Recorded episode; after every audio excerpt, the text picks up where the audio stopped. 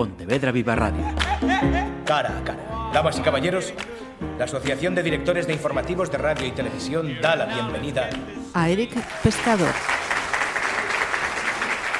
Eric Pescador Albiac, sociólogo, sexólogo, especialista en género, igualdad, prevención de violencias machistas y masculinidades.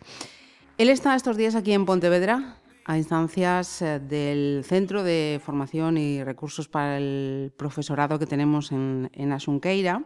Colabora con entidades eh, públicas, con entidades eh, privadas, con acciones gubernamentales, con lo cual estamos ante una persona que trabaja, digamos, el día a día con todas estas cuestiones que he enunciado. ¿Qué te parece si empezamos por terminología? El término masculinidad igualitaria. Y el hecho de que tengamos a un invitado en el cara a cara que nos hable de igualdades, de violencias machistas, de masculinidades, habrá quien todavía le llame la atención.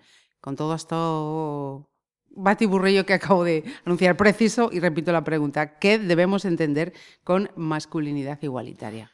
En realidad no hay una sola, sino que son muy diversas. Digamos que si hay que contraponer a la masculinidad tradicional, eh, violenta o a la que se genera desde el patriarcado desde siempre, desde hace más de 4.000 años, esta masculinidad o masculinidades, mejor dicho, igualitarias o diversas o adversas, diferentes a las, a las, tradicionales, lo que plantean es un modelo de relación mucho más estable con el propio hombre, es decir, que la identidad de los hombres es más, eh, más tranquila, menos violenta, evidentemente con toda la mm, falta de con toda la, necesidad de colocarse en el mejor lugar como hombre y en el mejor lugar dentro de las relaciones. La idea es que sea una masculinidad, una forma de ser hombre, por decirlo de una forma más clara, que sea más vivible, más sostenible, que entre menos en conflicto, que tenga menos violencia, que sea más productor de relaciones de paz, de cuidado, de paternidades presentes y corresponsables, de espacios que realmente sean más amorosos y menos violentos, así de fácil. Que no es poco. Que no es poco, pero que estamos en ello, que no es la primera vez. Y también, fíjate, este término se como habla como de un término nuevo. En realidad, las nuevas masculinidades o las llamadas masculinidades diversas o masculinidades igualitarias no son nuevas. Todo el tiempo, toda la vida, ha habido hombres que se han resistido al modelo de siempre, al modelo de dominación, al modelo machista y que han experimentado otro tipo de relaciones diferentes con las mujeres, con otros hombres, consigo mismos pero digamos que ahora lo estamos poniendo como en, rotulador fluorescente, ¿no? Estamos dando el lugar que corresponde a esas masculinidades que son mucho más, como decía, sostenibles y mucho más igualitarias y sobre todo mucho más justas. Lo cierto es que todavía en esta sociedad, la sociedad española, todavía no estamos habituados a que sea un hombre quien esté hablando en estos términos. Claro, de hecho yo comencé hace 27 años a trabajar con masculinidades. Tú dices, ah, la gente no sabe qué es el término, realmente se lo sabe ahora mucho más que nunca. Cuando yo empecé a trabajar sobre masculinidades, género, género y hombres, eh, prácticamente era imposible entender que esto fuera así o que un hombre pudiera hablar de igualdad o que los hombres tuviéramos que revisarnos la identidad, porque en realidad lo que pasaba es que las mujeres no tenían lugar dentro de la sociedad y eran las mujeres las que tenían que cambiar. Yo creo que esto es una falsedad desde el comienzo. ¿no? Es importantísimo que los hombres, las mujeres, busquemos nuestro propio camino en libertad para ser quien queremos ser. Yo trabajo por igualdad para que hombres y mujeres, mujeres y hombres, tengan su propio camino, su propia identidad desde muy jóvenes y elijan realmente qué tipo de hombre o de mujer quieren ser más allá de los estereotipos y los mandatos de género. Eres creador de Si los hombres hablasen. Mm, bueno, soy colaborador. Colaborador, yo tenía creador. Sí, sí bueno, eh, realmente mi desarrollo fundamental durante estos 22 años es eh, y está dirigido a trabajar con hombres desde muchos y muy diversos eh, apartados, ¿no? experiencias. En este caso, nosotros trabajamos con, con, un proyecto que se llama Ulises, dentro del cual se han ido derivando a muchos otros diferentes, es un proyecto educativo que trabaja con profesorado, madres y padres, mm, alumnado, eh, fuerzas del orden público, hemos trabajado con sanitarios y sanitarios, hemos trabajado en todos los ámbitos sociales posibles, porque la idea es llevar un modelo de socialización de las masculinidades, de la identidad, de las sexualidades, por ejemplo, muy diferente al que estamos habituados a, ver, ¿no? Una sexualidad, por ejemplo, más igualitaria, más presente, más cercana, más cariñosa, como la que comentaba hoy, por ejemplo, en la mañana en los institutos aquí en Pontevedra, y que yo creo que facilita mucho la, vida real de, los hombres y, por supuesto, de las mujeres. Es decir, cambiar con la masculinidad, cambiar a los hombres, significa que la sociedad eh, elabora nuevas formas de vida y nuevas formas de relación mucho más, mucho más reales, sanas, ¿no? Fíjate, por ejemplo, con lo que ocurre con el tema de la, de la salud, ¿no? Los hombres tenemos una peor salud, morimos antes, eh, nos castigamos más el cuerpo, tenemos una mala experiencia de vida y a veces incluso una dependencia mucho mayor que las mujeres entre los 55 y los 75 años, el nivel de dependencia de los hombres sube hasta cinco veces o seis el de la dependencia de las mujeres. Quiere decir que no solamente es que nos muramos antes, sino que tenemos un nivel de vida y una ocupación de nuestra vida mucho peor. O sea, una vivencia de la vida mucho peor. Mal vivimos la vida, nos cuidamos mal, poco, y al final pues morimos o... y dependencia. Sí, sí. La dependencia que significa violencia contra nosotros mismos y evidentemente también contra todas las mujeres que están a nuestro cuidado. Este proyecto, Ulises, que mencionaba, si no tengo tampoco mal el dato, eh, lleva más de 20 años. Sí, desde el año 2000 comenzamos en, Sagunto, eh, Córdoba, aquí en Pontevedra, en el año 2004 se hace uno de los más grandes, de los más largos en el tiempo, longevos. Se hacen dos, dos actividades piloto, aquí en Pontevedra en el Sunqueira 1 y en, y en La Coruña también, a través de otro centro también experimental, que, que, ya desapareció, que ya no está, pero que desde luego fue muy interesante porque se, pudimos trabajar todo lo que tiene que ver con el proyecto de intervención en género, prevención de violencia y cuidados a través de un centro educativo de secundaria durante prácticamente año y medio, lo cual dio unos resultados muy buenos. Ahí va, con esa perspectiva del tiempo, ¿qué, podéis extraer? Pues mira, de aquella formación en aquel momento surgió un grupo de profesorado que sigue en activo ahora, que sigue haciendo cosas y actividades un grupo de alumnado que sin duda no olvidó todas las intervenciones que desarrollamos hace ahora casi 20 años, 17 en concreto, y que bueno, pues que, desde luego les cambió la vida como nos cambió a nosotros, como, como educadores, ¿no?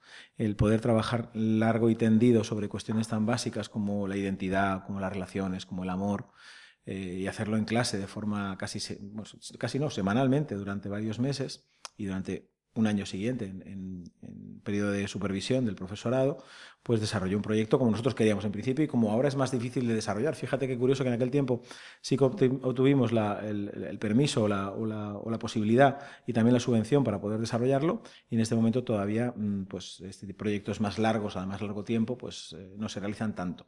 Nosotros estamos haciendo proyectos Ulises en este caso de intervenciones puntuales y con una proyección de continuidad, con trabajo en profesorado, pero en otros lugares, por ejemplo, de tres, cuatro, cinco sesiones como máximo. que es una pena, porque realmente la, eficacia del proyecto, sin duda, viene de esa continuidad, de generar un grupo formado de profesorado que sigue haciendo la actividad de reflexión, de conciencia crítica frente al género, de conciencia crítica no solamente frente a la violencia, sino también, una cosa muy importante del proyecto, del desarrollo de las condiciones positivas del comportamiento. Es decir, no basta con decir no a la violencia, hay que decir sí a las relaciones de paz, sí a las relaciones de cuidado, sí a las relaciones de buen trato.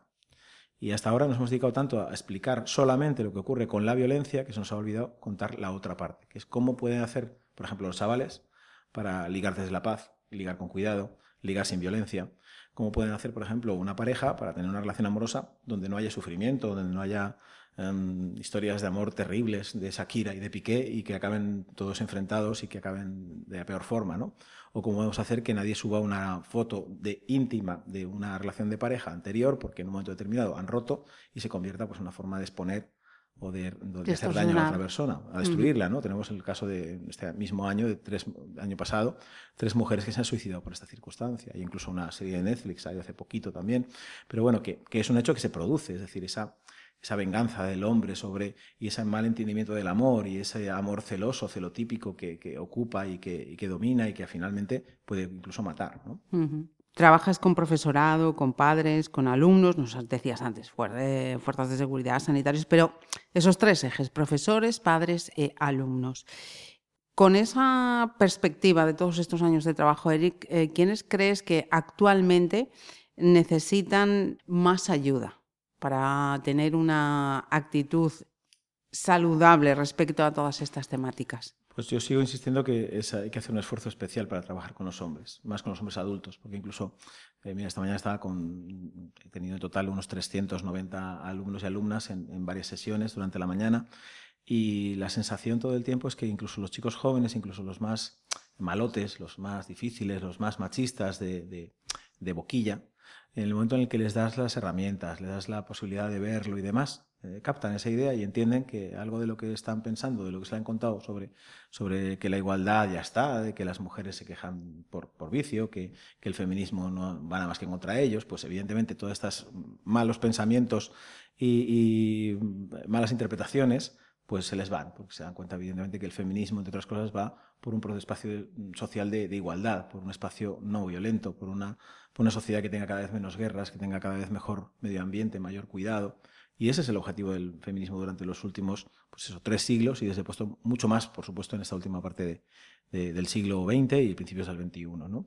Estamos en un momento muy bonito para que todo cambie, pero los más resistentes siguen siendo pues, un pequeño colectivo de hombres de mediana edad mediana y mayor edad, que tienen como muy movido el tapete, como se dice en México, ¿no? Eh, tienes toda la base, lo que te han explicado que es así y debe ser así, pues un poco como, como con miedo, ¿no? Frente a estas cosas. Yo creo que hay que abrirse, hay que conectarse con qué es lo que tú quieres realmente como hombre.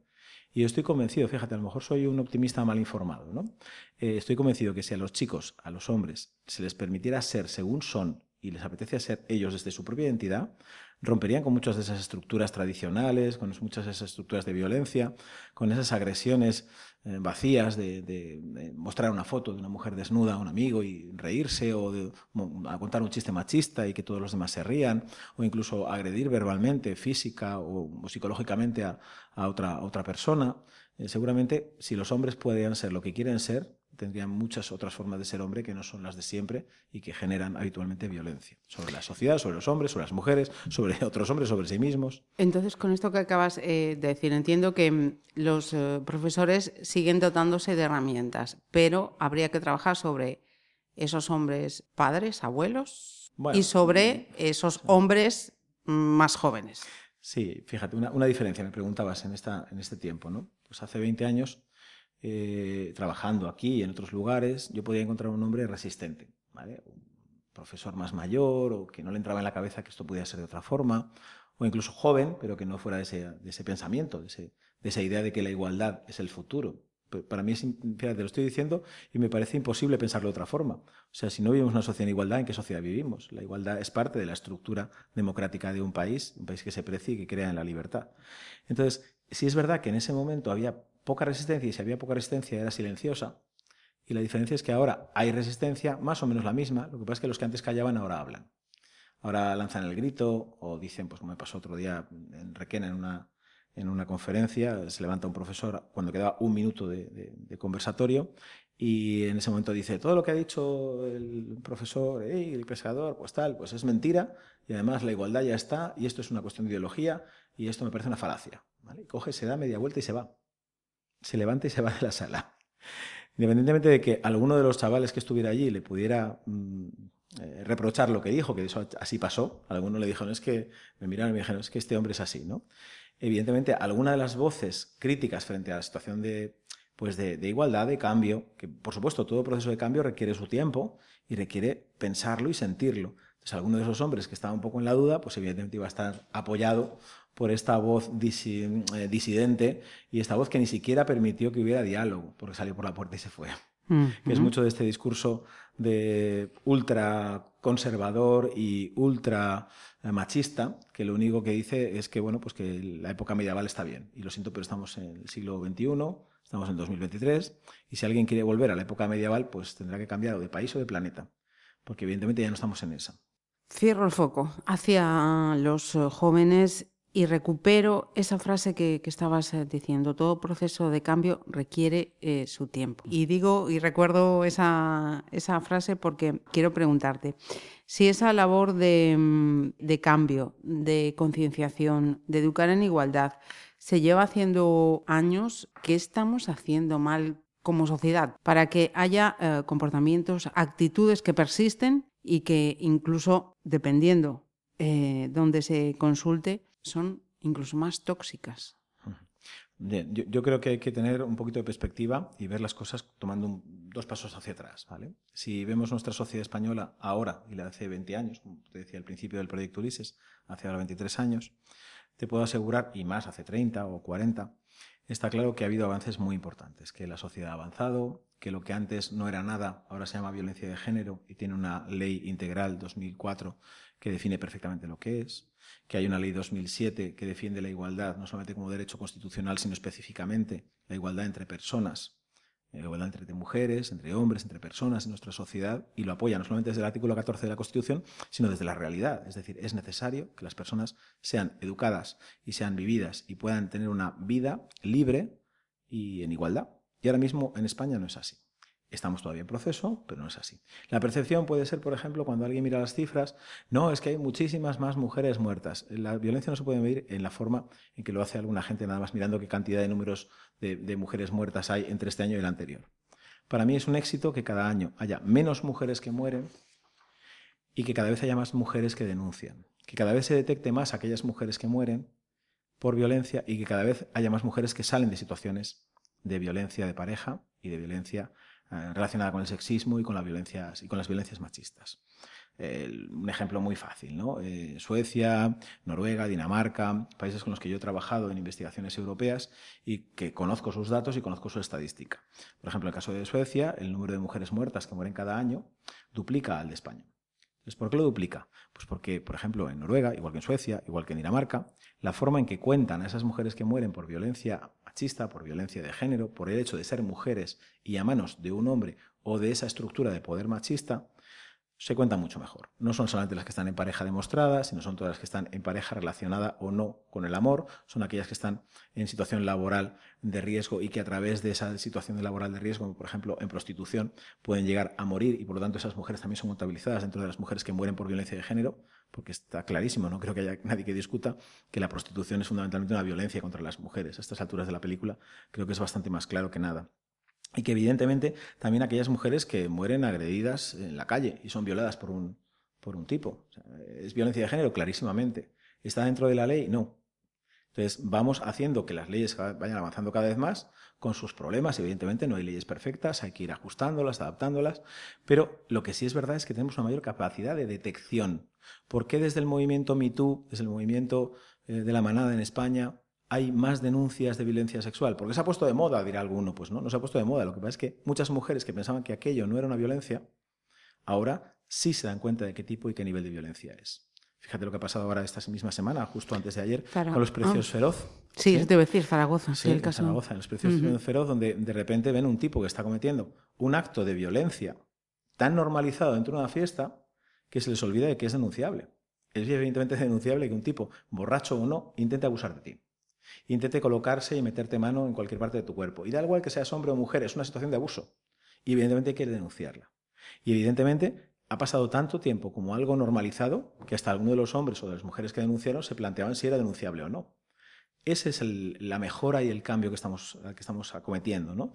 Que no solamente hay una mayor detección de la violencia, sino que estamos afinando el foco y podemos ver claramente dónde sí está esa violencia.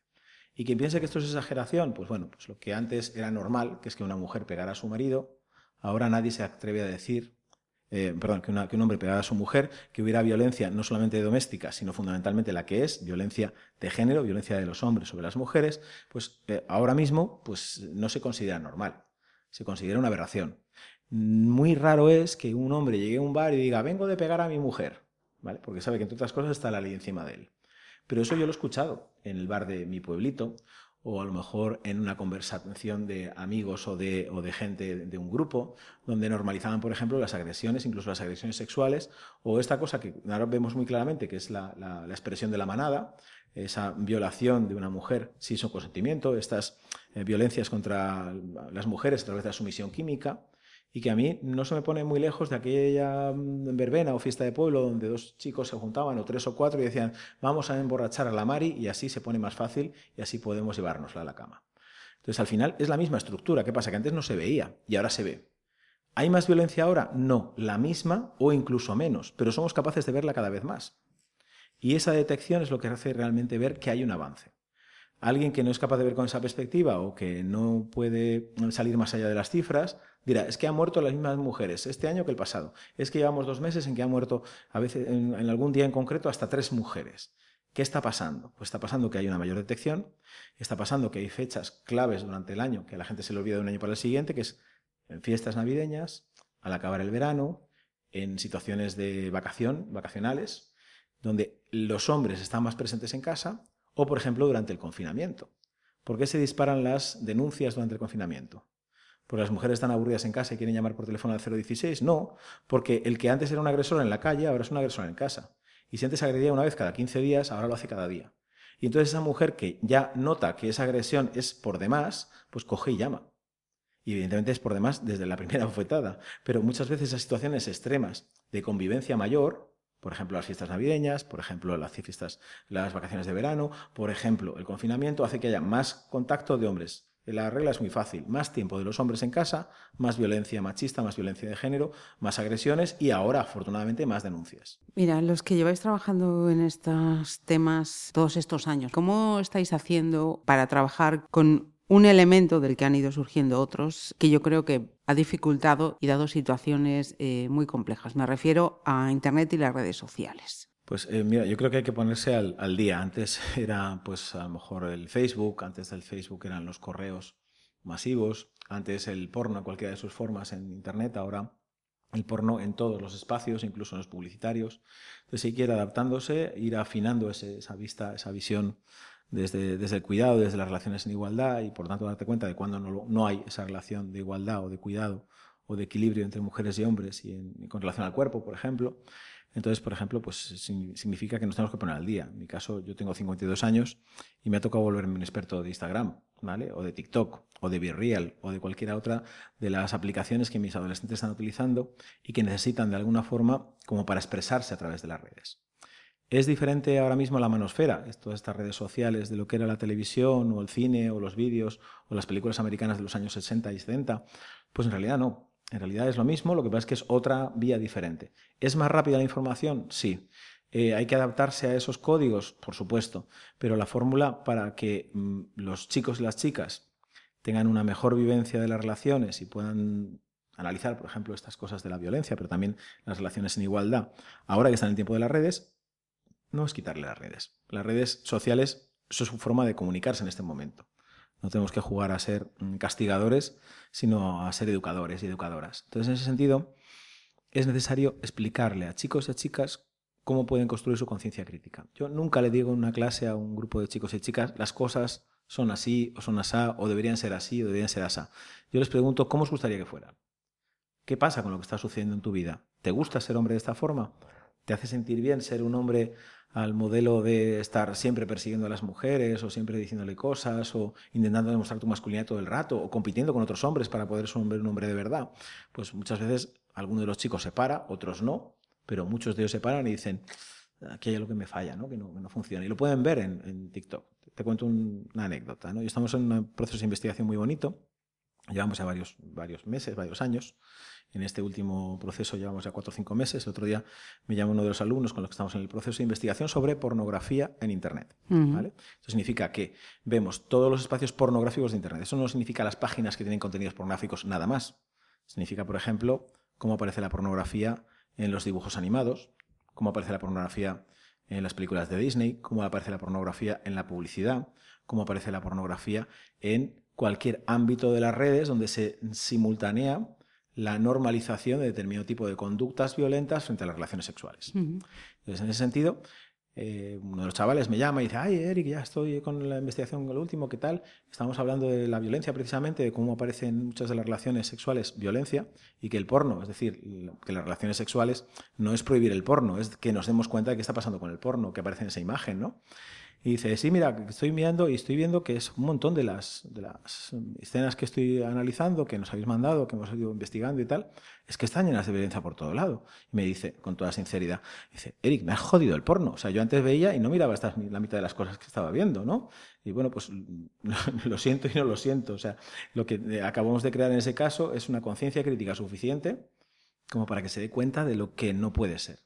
Entonces, si una persona, un hombre, adolescente, se excita con una relación sexual en la cual hay una violencia extrema o muy clara, o aunque no sea clara, existe esa violencia, estamos creando un hombre que no va a tener relaciones en igualdad, que va a tener relaciones en dominación, que va a tener relaciones con eh, un objeto en lugar de con una persona, que no va a saber relacionar o escuchar a esa persona.